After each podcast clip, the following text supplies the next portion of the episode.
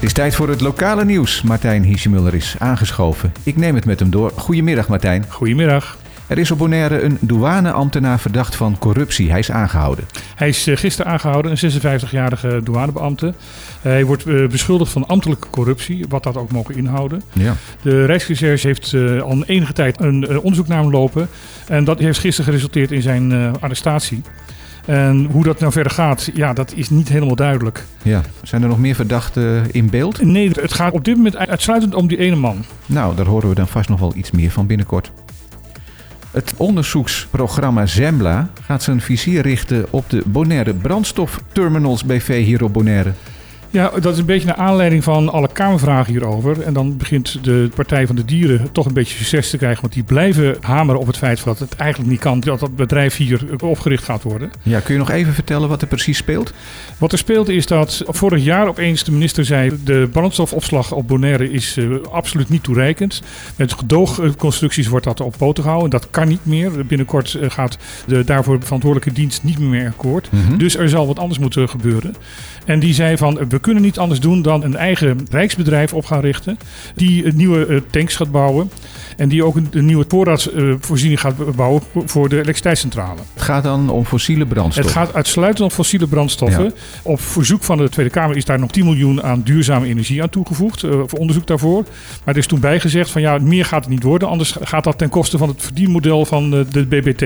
Ja, en het staat dus allemaal haaks op de plannen voor verduurzaming van de energie op het eiland. Verduurzaming en ook eh, haaks op het plan van de, van de web. Die zegt van we kunnen tot 80% verduurzamen. En dat gaat echt enorm schelen ook in de kosten. En nu heeft dus de redactie van het programma Zembla gezegd: wij gaan dit uitzoeken en hier aandacht aan besteden. Ja, en dat ga- gaat uitgezonden worden op 17 februari om eh, half eh, negen Nederlandse tijd. En het duurt 30 minuten, dus het is een flink programma. Ja, en het is mijn ervaring, als Zembla ergens induikt, dan doen ze dat zorgvuldig. En meestal komen er dan toch wel dingen boven tafel waarvan je zegt van, nou, hoe is het mogelijk? Hè? Altijd, bij mij wekt het altijd verontwaardiging en ongeloof op, waar het ook over gaat. Waar het ook over gaat, eh, ze zitten daar een paar hele goede onderzoekers in. En ze hebben ook als, als stelregel van we zenden iets niet uit als het niet de moeite waard van het uitzenden waard is. Ja, nou, ik noteer het. 17 februari. Er zijn plannen om het Kings Beach Hotel aan te gaan pakken. We hebben het dan over het eh, vervallen hotel naast de Oasis. Ja, wat nu bekend staat in het volksmond als Esmeralda Beach Resort. Ja, juist. Daar is al een tijd een plan voor om daar iets nieuws neer te zetten. Nou, daar zijn die plannen voor eh, gepresenteerd aan het bestuurscollege. En het zou een vijfsterren resort moeten worden.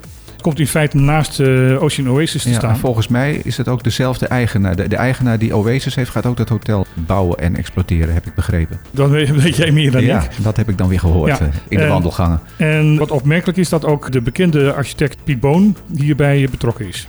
Veel grijs dus. Ja. ja.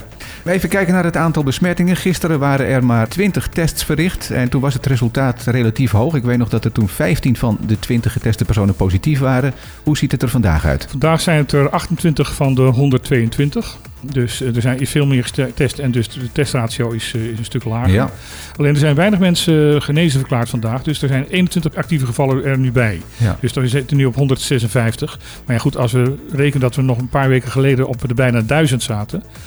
Ehm, het aantal mensen ehm, in het ziekenhuis is gelijk gebleven op drie. Oké. Dan gaat de Nederlandse minister van Economische Zaken, Adriaansen, zich inzetten voor de economische vitaliteit van onze BES-eilanden. Klinkt prachtig. Nou, mondvol. Ja, Wat gaat ze doen? Wat heeft ze voor ogen? wat ze voor ogen heeft is niet duidelijk. Het zijn woorden. En eh, een wijs iemand heeft ooit een keer tegen mij gezegd... luister niet wat politici zeggen, maar kijk wat ze doen. Ja.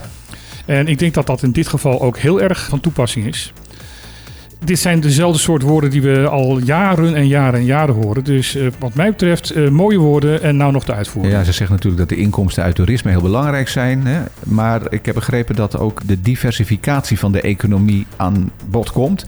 Ja, en dan wil ik graag weten hoe. Ja, dat is inderdaad dan weer de grote vraag. Dit, dit, dit soort uitspraken zijn heel erg leuk, maar eh, hoe gaan ze het bereiken? Ik bedoel, ik kan ook zeggen van dat ik over twee jaar mijn in- inkomen verviervoudigd heb. Ja, en ik zag ook nog staan het stimuleren van ondernemerschap. Dan helpt die verhoging van de KVK-bijdrage beslist niet.